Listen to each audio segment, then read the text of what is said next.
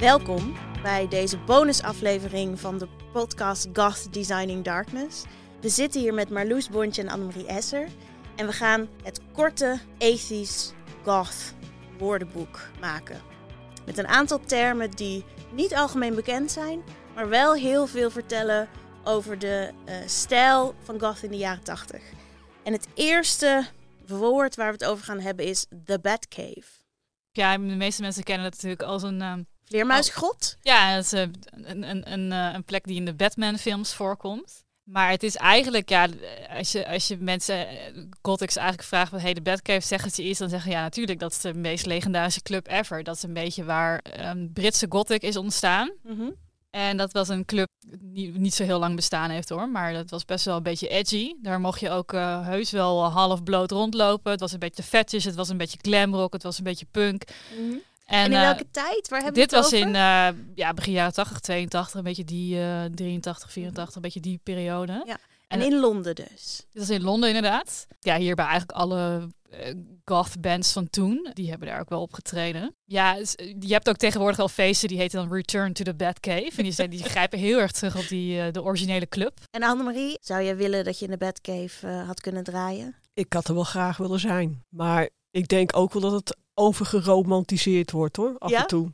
Je, ik denk dat als je daar een feestje organiseert, dat het ook af en toe wel een heel, dat heel, heel veel stressfactoren spelen. Als iedereen gewoon lekker doet waar hij zin in heeft. kan ook wel een beetje uit de hand lopen misschien. Eh, ja, Ja. maar ja, weet je, het is mooi om eh, zo'n eh, romantische gedachte levend te houden. Naar het volgende woord. De Cleopatra look. Ja, dat is eigenlijk een beetje de, de oogmake-up waar eh Susie eh, van Susie in de Banshees eh, bekend mee is geworden. En die ook heel veel is gekopieerd. Met namelijk Mhm. door vrouwelijke New Wavers en goths. En ehm, ja, wat je dan hebt is eigenlijk ehm, je oog met, zwart, met zwarte oogmake-up ingetekend. En dan met zo'n met zo'n streep schuin omhoog langs je slapen. Eigenlijk een beetje hoe Cleopatra eruit zag. Beetje geïnspireerd op die Egyptische make-up. En wat zij toen deden met, met koolstof, met van die kooltjes, heb je dan nu gelukkig eh, echte make-up voor. Dus, eh, Gewoon eyeliner voor. Oké, de volgende term, een beetje in dezelfde categorie. Kooshball. ja. Oh, Annemarie kijkt, wat is dat? Zelfs Annemarie weet het niet. Nou, het, is niet Nou. een, het is niet de meest gebruikelijke term, maar het is, kijk, het is, het is hoe je eh, het, het grote getoupeerde haar van zeg maar, de eerste li- lichting gothics kan beschrijven. Ehm, eh, als je kan zeggen Robert Smith kapsel, weet ook iedereen wat je bedoelt. Dus Ehm, rechtopstaand haar, heftig getoupeerd met ook heel veel haarspray erin. Zeker. En het verschil met punks was dat het niet in een soort van spike recht omhoog stond, hè, zo'n kam helemaal, maar dat het echt alle kanten uitstond. Meer fluffy?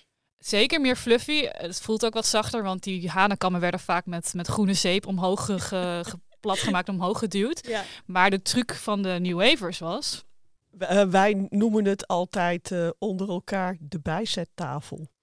De bijzettafel? Ja, dat haar wat eigenlijk een beetje dan eh, zo loopt. Ja, maar dat is meer het vliegdekschip. Oh, dus vliegtuig. Ja, die moet wel... Hey. Oh nee, er ontstaan allemaal nieuwe termen voor Nee, ons dit- woordenboek. Nee, dit zijn bestaande termen. De vliegdekschip is een bestaande term. Oké, ja. dankjewel. Ja, je bedoelt waarschijnlijk meer wat die, wat die grufties in Duitsland hadden. Ja, dat klopt. Ja, die En hadden ook weer een dan? variant. Beschrijf eens hoe dat eruit ziet. Ja, die hadden eigenlijk een soort van horizontale hanenkam. Dus eerst zeg maar recht omhoog en dan kreeg je een soort van een, een, een soort van platgeslagen ja, bijzettafel. Oh, en wat is dan het verschil tussen de bijzettafel en het vliegtuigschip? Niet. Niet, Dat is dat is wel een beetje hetzelfde. Maar Dat is hetzelfde. En wat is het verschil tussen vliegdeks, vliegdekschip en koesbal? koesbal is gewoon echt die pluizenbol. En, en die, die ziet er fluffy uit en voelt ook fluffier aan. En, en, en de truc om hem te maken is eigenlijk je haar van tevoren inspuiten met haarspray. Dan je, je, je wafeltang erop. En dan hoor je het ook echt knisperen. hè. En soms brand je bijna je haar, eigen haar weg. Maar dat hoort erbij. Ja. En, ehm, en dan toeperen. Oh. En dan weer haarlak. En dat is zeg maar de fixatie. Ja, ja. En daarmee kan je je helemaal uitleven. Ja, dus dit is niet alleen het korte ethisch kat woordenboek, maar ook haarstyling met Marloes Bondje. Ja, zeker. Ja, Kijk. dat is eh, belangrijk. Onze volgende term, daar kwam jij mee, Annemarie. De kwartjeszoeker of Ja, kwartjes, kwartjes, zoeken. dubbeltjes zoeken, dat is gewoon een bepaalde dansstijl. En hoe, hoe ziet dat eruit? Ja, een beetje dat ze zo lekker naar de grond aan het staren zijn. En waarom, en dan, waarom heet het dan kwartjes zoeken? Daar is ooit iemand mee gekomen. Maar is het omdat het lijkt alsof ze Ja. naar kwartjes aan het zoeken Ja. zijn? Ja, wel. ja, het is eigenlijk een beetje. Er hoort er vaak een soort loopje bij. Je doet een paar Ja. stappen achteruit, een paar stappen vooruit. Dan lijkt het net of je op de grond iets aan het zoeken bent.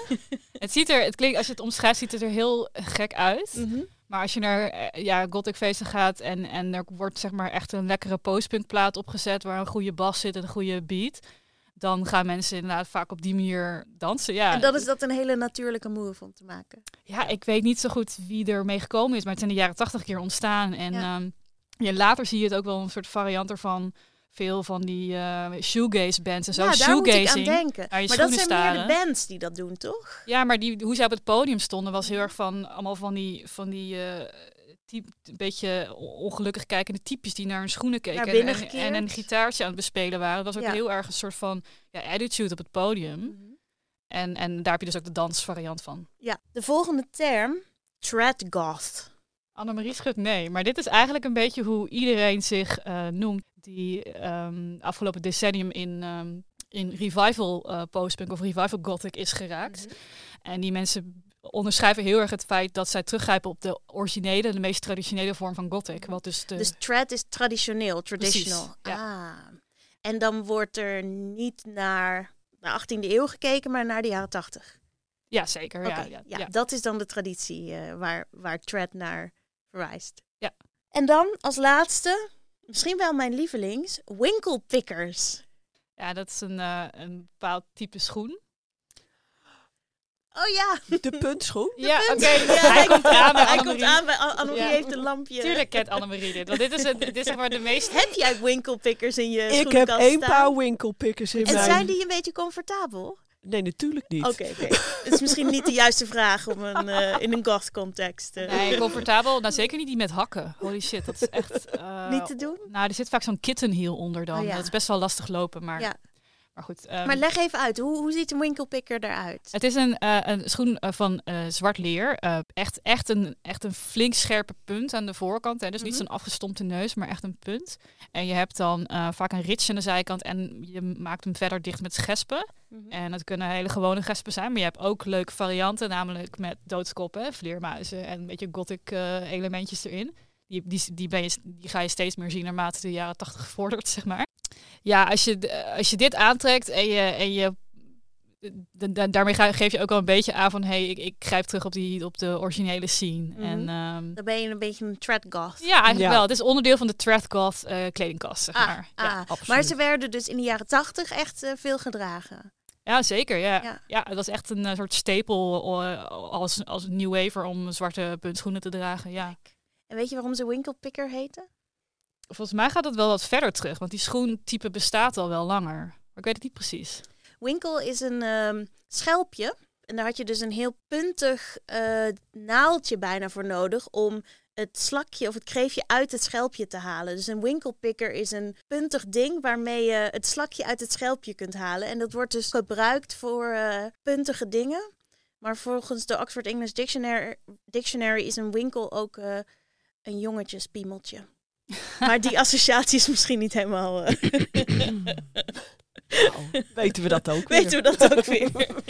Nou ja, dit, dit soort schoenen worden ook wel pikes genoemd. Mhm. Zo kan je het ook wel vinden. En ehm, je hebt tegenwoordig allerlei varianten ervan en ook vegan. Vroeger kon je echt alleen maar de leerversie krijgen. Ja. Dus de- deze schoen heeft ook een evolutie doorgemaakt. Ja. Ik, heb de, dus- ik heb de creepers versie met een punt. En, Dus wat is, en wat zijn creepers dan? Dat zijn die met zo'n dikke zool, met van die ribbels. En die worden ook veel trouwens gedragen in de, in de god scene. Oh ja. En eh, ook soms met een luipaardmotiefje. Ja, dat is meer rockabilly, toch? Ja, maar ze worden toch ook wel veel in onze scene gedragen Zeker, hoor. maar dat, er is een rockabilly, Het- het is- psychobilly tak in gothic, hè? Ja. Dus dat is wel... Ja. eh, Dus het is een beetje hybride is Daar dat. zit die overlap dan weer. ja. Hebben we dat ook weer geleerd? Tot zover deze bonusaflevering eh, van de podcast Goth Designing Darkness. Dit was het korte Atheist Goth woordenboek met Marloes Bontje en Annemarie Esser.